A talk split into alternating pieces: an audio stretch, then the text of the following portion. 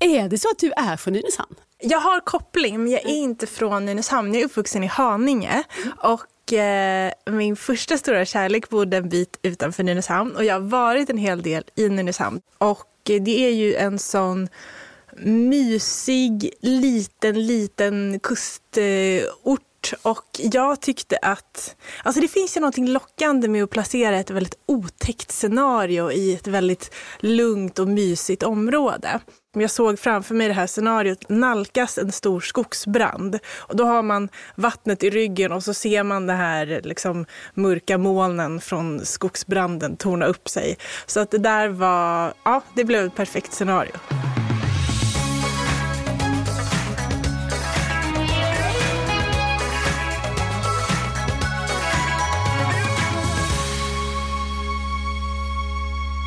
Hettan är olidlig och luften tjock av stickande brandrök i Pernilla Erikssons roman 300 grader. Den utspelar sig i en snar framtida glödhet sommar där eldslågor slickar marken snabbare än den underbemannade brandkåren hinner med. Ja, det är något som inte stämmer med vår planet, men också i lilla Nynäshamn. Det här ska polisen Lillehed strax bli varse. Det var någon som kallade detta för klimatdeckare. Och vad är då det? Det ska vi prata om idag bland annat tänker jag när Pernilla Eriksson är gäst. Välkommen till Pocketpodden avsnitt 111. Jag heter Lisa Tallroth. Hej och välkommen hit Pernilla. Hej, vad trevligt att vara här. Vilken fantastisk inledning. Ja visst är det mycket, mycket hetta och mycket brandrök i den här romanen. Det är det. Jag började skriva den här efter sommaren 2018 och då var ju eh, det var ju ett år när vi hade fått en försmak på vad ett år med intensiva värmeböljor kan innebära och eh, hur vi påverkas av tryckande hetta och av brandrisk och av eldningsförbud och um, oron som uppstår och den känslan ville jag liksom fånga upp och skriva ner i en kriminalroman där jag liksom låter klimatkrisen vara lite fond kan man säga. Jag har haft, tror jag man kan kalla det en 2D-upplevelse. För jag, början av den här sommaren, juni, när jag har läst den här romanen så har det också varit väldigt varmt. Tidningarna har skrivit om extrem hetta i Kanada och USA, till exempel över 40 grader. Och jag har själv liksom verkligen legat och svettats så det har varit en sån här helhetsupplevelse för mig. Komma lite otäckt nära verkligheten där. Ja, nej, men så har det ju varit och det har ju redan, alltså vi lever ju redan nu med effekterna av klimatkrisen. Vi ser den och i, i, i Kanada och i, i nordvästra USA. Man har ju fått upprätta såna här avkylningsanläggningar där människor ligger på liksom britsar i AC-kylda rum och det där ser ju helt galet ut men tyvärr är det ju sådana scenarion vi kommer få vänja oss vid. Eh, alltså forskarna är väldigt tydliga på den punkten att värmeböljorna blir vanligare och mer intensiva. Mm. Och sådär. Du har ju också bevakat de här frågorna som journalist. Nu jobbar du på Aftonbladet. Precis, nu skriver jag mer om litteratur, men det är frågor som ligger mig väldigt varmt om hjärtat och som jag är djupt engagerad i och oroad över. Och det bör väl alla människor vara vid det här laget. Den här historien utspelar sig då bara ett par år fram i tiden, 2023. Mm. Och, ehm, och hur kommer det sig att du valde valde att lägga fram det ett par år? Ja, alltså jag hade ju färskt i minne då dels då den här brandsommaren 2018 men även också den här eh, storbranden i Västmanland 2014 och där väcktes väl tanken, tänk om det kommer vara sån här att var fjärde, femte år så får vi sån här ohyggliga brandsomrar framöver. Ja, då blir nästa hopp 2023.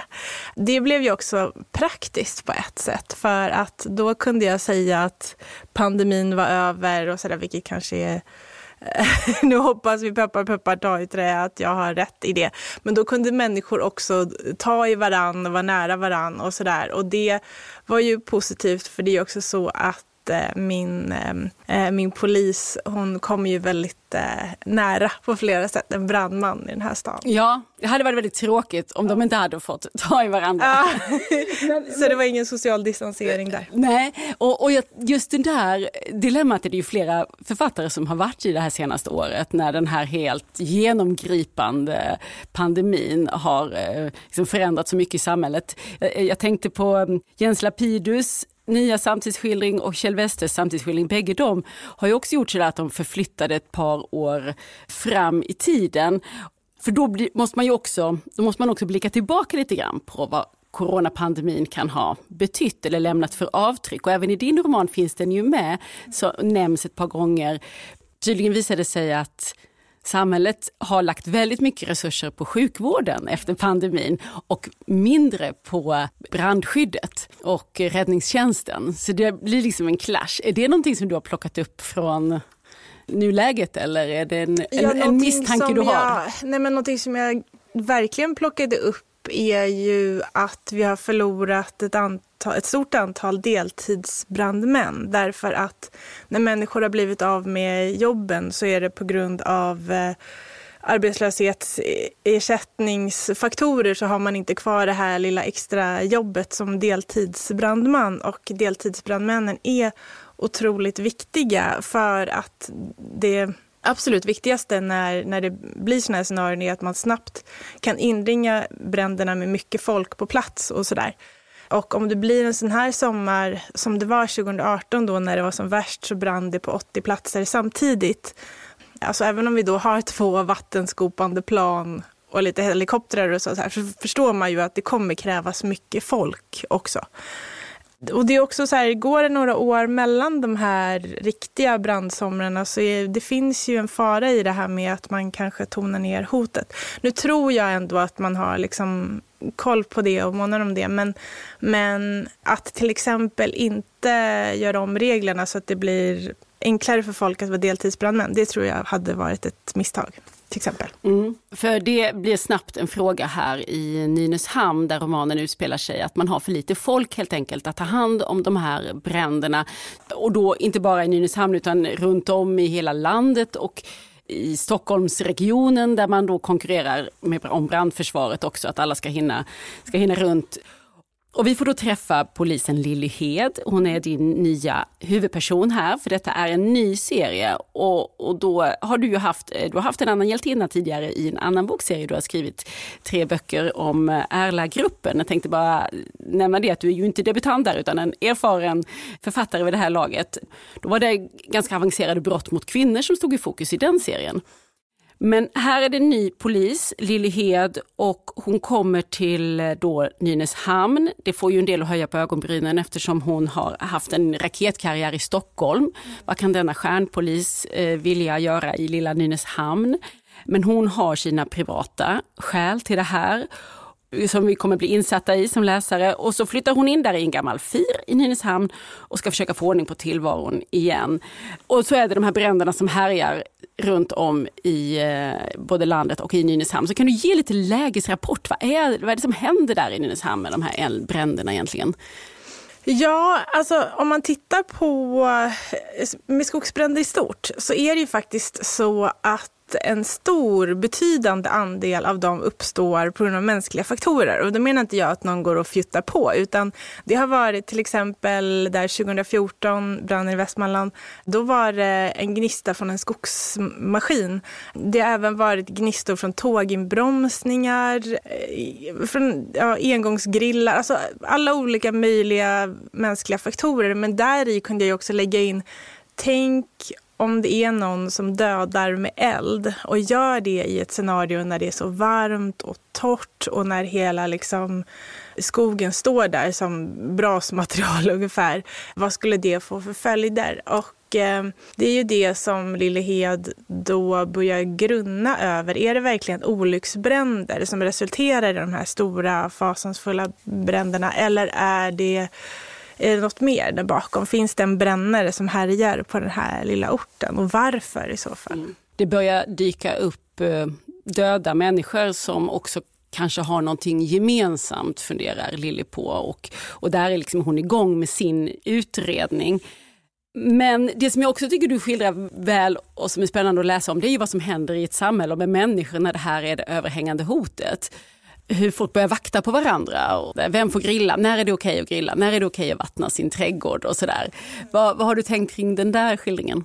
Det finns ju, alltså det är ju belagt att vi blir ju mer snarstuckna också när det är sådär varmt. Alltså vi, vi sover sämre och vi, um, ja men det, det hänger lite mer gräl i luften så att säga. Och sen så är det någon som kanske då eh, kliver över den här gränsen, drar igång den där grillen eller har tända ljus på uteplatsen i ett läge när alla är sådär på helspänn.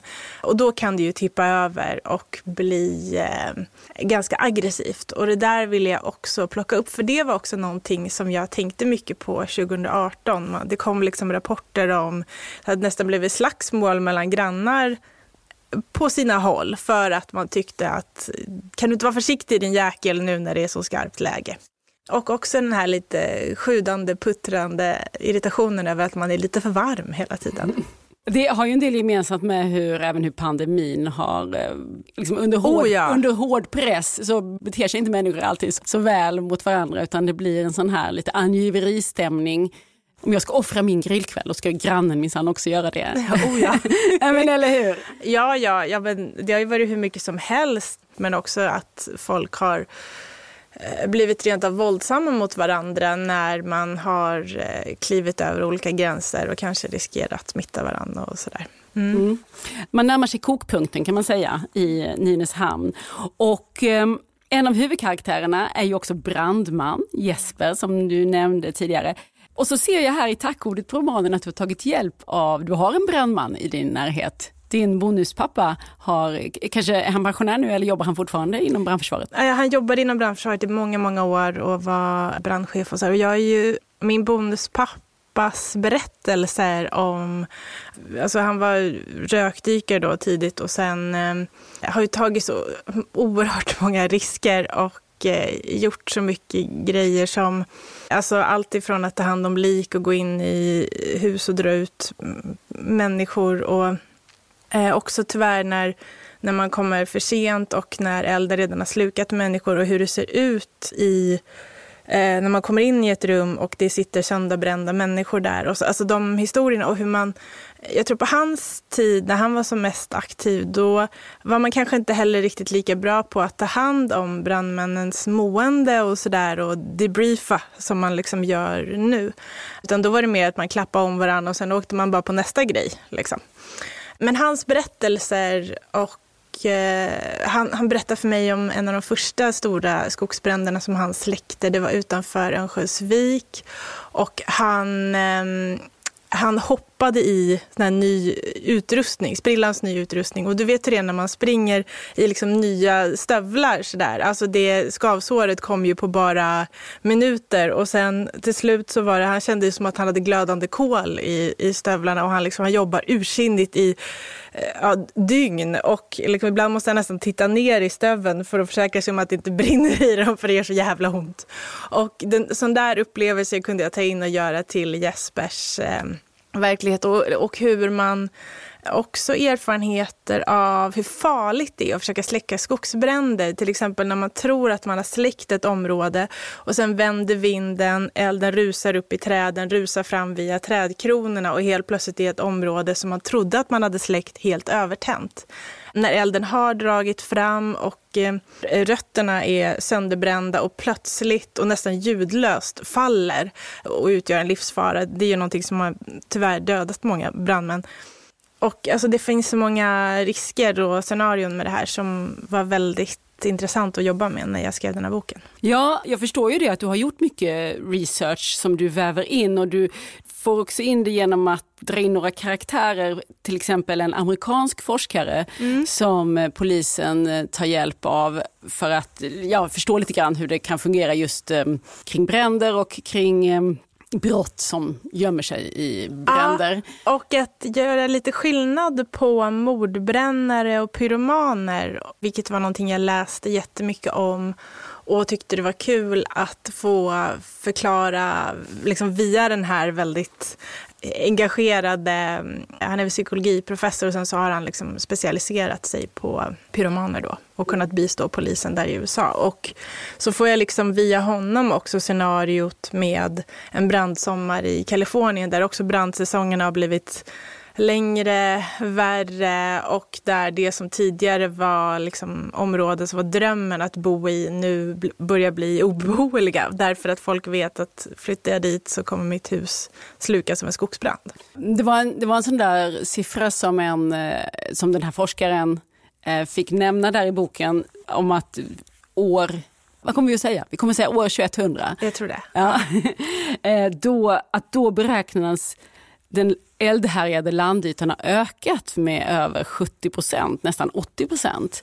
Eh, den tänkte jag nu, eh, hon är ändå journalist, det där har hon nog inte dragit helt ur eh, luften utan att det är en siffra hon har kollat. Det säger ju någonting om hur, hur snabbt det här kommer gå. Alltså på 80 år så är ju enorma landytor förstörda. Precis, det där kom, den siffran kom ju från en, en av många rapporter jag plöjde då och det är ju man kan såklart inte veta exakt, men mycket pekar väl tyvärr i den riktningen. Och det, och det är ju redan nu förskräckliga scenarion. Och eh, eh undrar, hur kan det här inte ligga högst på agendan i allt? Hela tiden, hur mycket skygglappar har vi egentligen? Vad är, alltså, jag blir jättefrustrerad över det där. Men... Eh, Alltså klimatfrågan eh, kan ju bli rätt hetsig i debatten och um, inte minst i kommentarsfälten. Det här kan jag tänka mig att ni ser en hel del av på Aftonbladet. Men uh, när du nu tar dig an ämnet som skönlitterär författare, vad har du fått för reaktioner då? Nej, alltså jättefin respons från läsare på hela taget som har tyckt att den är vansinnigt spännande och i tiden och sådär.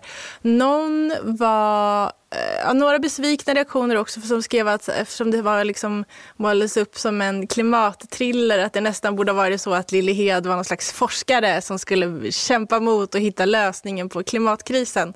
Och så är det ju tyvärr inte utan jag använder ju ett scenario där liksom klimatkrisen och så ytterligare en brandsommar påverkar en utredning och ett litet samhälle som drabbas av brott och liksom slår ihop de här två faktorerna. Men eh, det, är så, det är en så ny eh, genrebeteckning det här, klimatdeckare eller klimatthriller, så jag tror inte vi riktigt är överens om exakt vad det ska innehålla eller vad Nej. det betyder. Så att vi, vi, kan väl ändå, vi kan väl öppna för lite förslag nu. Vad tänker du att det är? det ett begrepp som du själv har haft lite grann i huvudet eller är det var det någon fiffig person på förlaget som tänkte att vi nog ska, vi nog ska kalla det för klimatdeckare? Nej, men det var, jag tror att det var någon fiffig person på förlaget, men det är ju det. Alltså, I syvende och sist så är ju klimatkrisen en kris orsakad av människor. Och det är ju även hur grova brott drabbar samhället. Och så slår man ihop de där två bitarna och det ena komplicerar det andra, så att säga. Sen så är det ju väldigt spännande att kunna skriva kriminalromaner som plockar upp Eh, väldigt engagerande samhällsfrågor. Och det är vi ju väldigt många som, som gör, som skriver kriminalromaner och som väver in aktuella frågor. Det kan vara allt från flyktingkris eller mäns våld mot kvinnor. Eller, alltså många av de här aktuella frågorna vävs in i spännande deckare och blir en del av samtalet. Och det tycker jag är... Eh, jag älskar den typen av deckare där jag får både och. Och jag tänkte elden här, det är verkligen en av de mer konkreta konsekvenserna som vi faktiskt även i Sverige upplever. Annars finns det ju, det finns ju må, många av klimatkrisens spår och um, katastrofer som inte ännu har nått Sverige. Lite svepande uttrycker jag mig nu, men eller hur? Va? Det är ju ändå, vi kan hör, läsa om i andra länder att hur stora problemen är, men det finns en fördröjning här innan svenskarna liksom känner att det finns på min egen bakgård. Medan eh, bränderna, de är rätt svåra att snacka bort mm. ändå, torkan. Tror du att just de här bränderna, skogsbränderna, de stora som har varit, kan de vara någon slags liksom... väckarklocka? Ja, precis. Ja, eh, för mig kändes det naturligt att, för den här frågan är liksom lite top of mind för folk under den här då brandsommaren som utspelar sig i min bok. Och så blir det ju lite automatiskt. Att det minns jag jättetydligt från 2018. Att jag tänker att om det är så här illa nu under en värmebölja, hur illa kommer det då inte vara 2100? Och hur kommer det bli? Och är vi förberedda på det här? Är, är liksom brandförsvaret förberett? Har vi förberett våra äldreboenden på fler värmeböljor? Är vi redo för skyfall? Är vi redo? Alltså allting sådär. Man pratar ju om man tvingas fundera på det. Eh, för det går inte att bara rycka på axlarna och tänka att det är något som händer om hundra år. Mm. Därför att det vi upplevde den sommaren är scenarion som forskarna säger kommer bli allt vanligare. Så ja, det tvingar ju fram en, en konversation. Sen är frågan om det faktiskt resulterar i någonting, en lite tillfälliga plåster. Liksom så här, Mikael Damberg får posera bredvid ett vattenskopande plan. Toppen, men vi har ju liksom inte löst problemet bara för att vi har ett plan eller två. Nej. Men jag tänker att du kanske är sugen på att del, bidra till den där diskussionen i alla fall, att, i tanke du har med boken också. Jag hoppas ju att folk redan gör det, men ja, jag hoppas att när man läser min bok så dels sugs upp i en väldigt engagerande deckargåta men också att tankar väcks. Vart är vi på väg? Mm. Ja, så det brinner mycket i boken. Det finns mycket kring eld. Men sen har vi också huvudpersonen Lilly Hed. Och vad är hon för slags person och polis? Hon är ju en eh, lite duktig flicka kvinna. eh, och det har hon blivit i någon slags skarp kontrast till sin lite urflummade hippie-mamma som hon nästan har liksom provocerat genom att gå den raka vägen och sen dessutom då göra karriär inom, inom ordningsmakten. Ja, det, det, är liksom modersrevolten att bli polis. Ja, exakt. Mm. Ja, men har man en, en mamma som liksom eh, eh ägnade 80-talet åt att koxa i Paris, då är man liksom en skarp kontrast om man sen blir polis och är väldigt duktig polis och i tidig ålder får leda andra och sådär. Mm. Och, och, det har hon ju varit. Men alltså, vi möter henne i ett ganska svårt läge. Hon har tagit ett kliv neråt i tjänsten och när hon anländer för att tillträda sin tjänst i Nynäshamn, då är hon, hon är ganska på, liksom på gränsen till utbrändhet och hon, hon flyr från någonting. Och riktigt vad får inte läsaren veta i början. Men hon bär på en stor eh, rädsla och hon har gått igenom någonting som har gjort avtryck. Och hon behöver landa. Så därför kommer hon till Lilla Nynäshamn i förhoppningen om att göra det. Men det blir ju allt annat än lugnt. Mm. Ur askan i elden ja. kan man säga. Och visst är det här nu början på en eh, serie, mm. första delen. Mm. Hur, hur, långt eh, ser du, tittar du fram här? Spänner du bågen över må, hur många delar? Nej, men jag, när jag började skriva på 300 grader så hade jag åtminstone fem scenarion som jag visste att jag skulle kunna använda. Och jag har precis lämnat ifrån mig råmanus på uppföljaren till 300 grader. Den har ännu ingen titel, men vi suger på den karamellen. Mm. Och där så är det återigen ett scenario där Lily Hed ställs inför en stor prövning som liksom försvåras ytterligare av ett sånt här klimatscenario.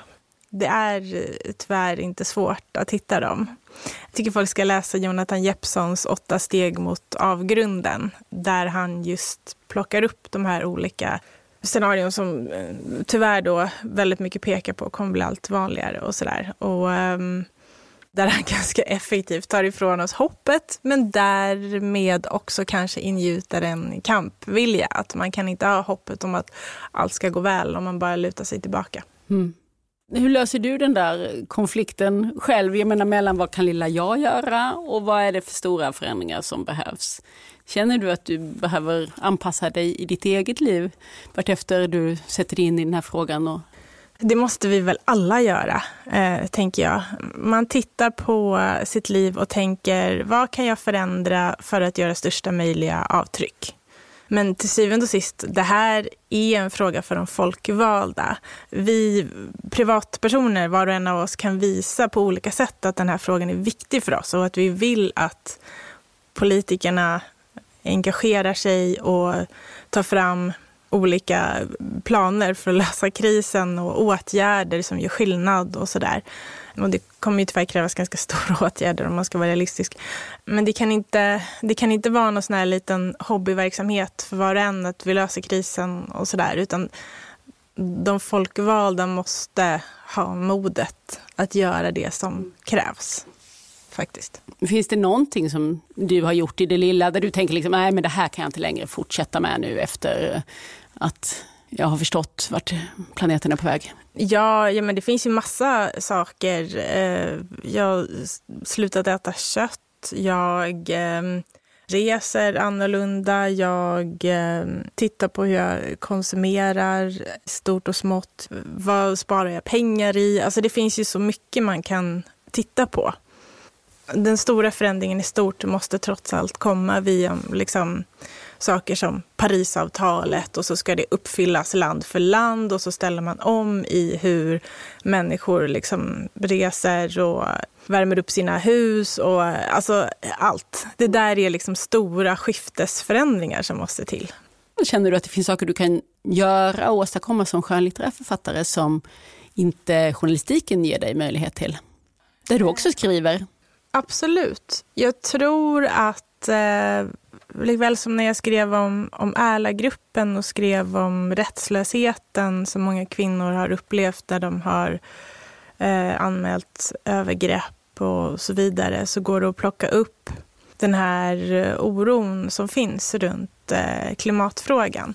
Och eh, om jag kan väcka tankar eller väcka engagemang så är väl det eh, jättehärligt. Men jag vill samtidigt, jag menar läsaren får ta med sig det de vill från de här böckerna. Man kan likväl gärna läsa 300 grader som en, en spännande bok bara, en underhållande deckare. Men eh, ja, det kanske också väcker tankar om vart vi är på väg och liksom att vi inte kan ha skygglappar för det. Mm. Jag tycker alltid det är kul att höra vad författare har för egna inspirationskällor. Nu nämnde du en faktabok här som har varit en slags inspiration, men jag tänker i, i genren.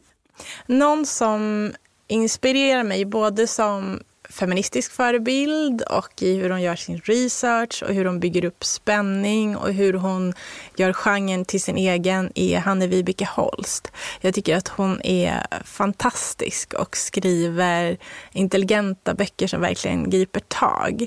Och den här boken som hon släppte som pesten eh, var ju så vansinnigt obehagligt träffsäker. Eh, också i hur fördelningen av vaccin nu ser ut i världen. Där liksom den rika delen av världen snabbast får det här skyddet. Och, ehm, eh, det, ja, den är verkligen ett lästips och hon är en väldigt inspirerande författare. Mm. Jag har inte hört något från henne på ett tag nu. Eller kom ju som pesten var väl 700 sidor tjock. Så hon ja, kan hon kanske få... behövde lite... hon behövde några runder ja. i hängmattan efter den där kolossen. Ofta när det är som liksom mest tyst om en författare så eh, är det då de knattrar som bäst. Ja, det är då det händer. Har du någonting på din läslista i sommar? Ja, en som, den som ligger um, högst på min eh, läslista just nu är På amerikansk jord, heter den va? Jeanette Cummings. Ja, mm. tack. Den har jag läst så många lovord om och den har jag sparat tills jag har gott om tid och kan inta hängmattan och bara sluka. Jag kan stämma in i lovorden. Vi har pratat om den här i podden. Det är en väldigt bra bok, så du har något gött framför dig. Och ett annat lästips är förstås den här boken som vi har pratat om idag. 300 grader heter den. Extra effektfullt i en varm sommar. Mm, eh, får man ju säga. Tyvärr, det kom väldigt nära. Jag tyckte nästan att det började liksom lukta lite brandrök också när jag låg och läste och svettades. Ska vi säga så? Vi säger så. Tusen tack Pernilla Eriksson för att du kom hit till Pocketpodden. Tack så mycket. Hör upp nu, för nästa gång vi hörs då har Pocketpodden bytt namn till Samtal om böcker. Och det är förstås precis det vi ska fortsätta med. Härliga, spännande, roliga och nyfikna samtal om böcker med aktuella författare, förläggare, läsare och annat bokfolk. Och första gästen i Samtal om böcker det är Alex Schulman. Vi ska prata om hans roman Överlevarna, om att återvända och återuppleva barndomen som vuxen. Det avsnittet finns ute den 20 augusti. I nya samtal om böcker alltså, där en hel del kommer att vara sig likt. Jag till exempel går ingenstans. Jag heter Lisa Tallroth och då hörs vi snart igen. Hej så länge! Du har lyssnat på Pocketpodden. En podd från Bonnierförlagen.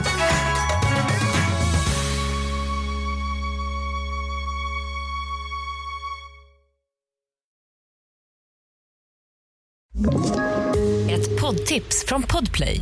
I fallen jag aldrig glömmer djupdyker Hasse Aro i arbetet bakom några av Sveriges mest uppseendeväckande brottsutredningar går vi in med hemlig telefonavlyssning och, och då upplever vi att vi får en total förändring av hans beteende. Vad är det som händer nu? Vem är det som läcker? Och så säger han att jag är kriminell, jag har varit kriminell i hela mitt liv men att mörda ett barn, där går min gräns. Nya säsongen av Fallen jag aldrig glömmer på Podplay.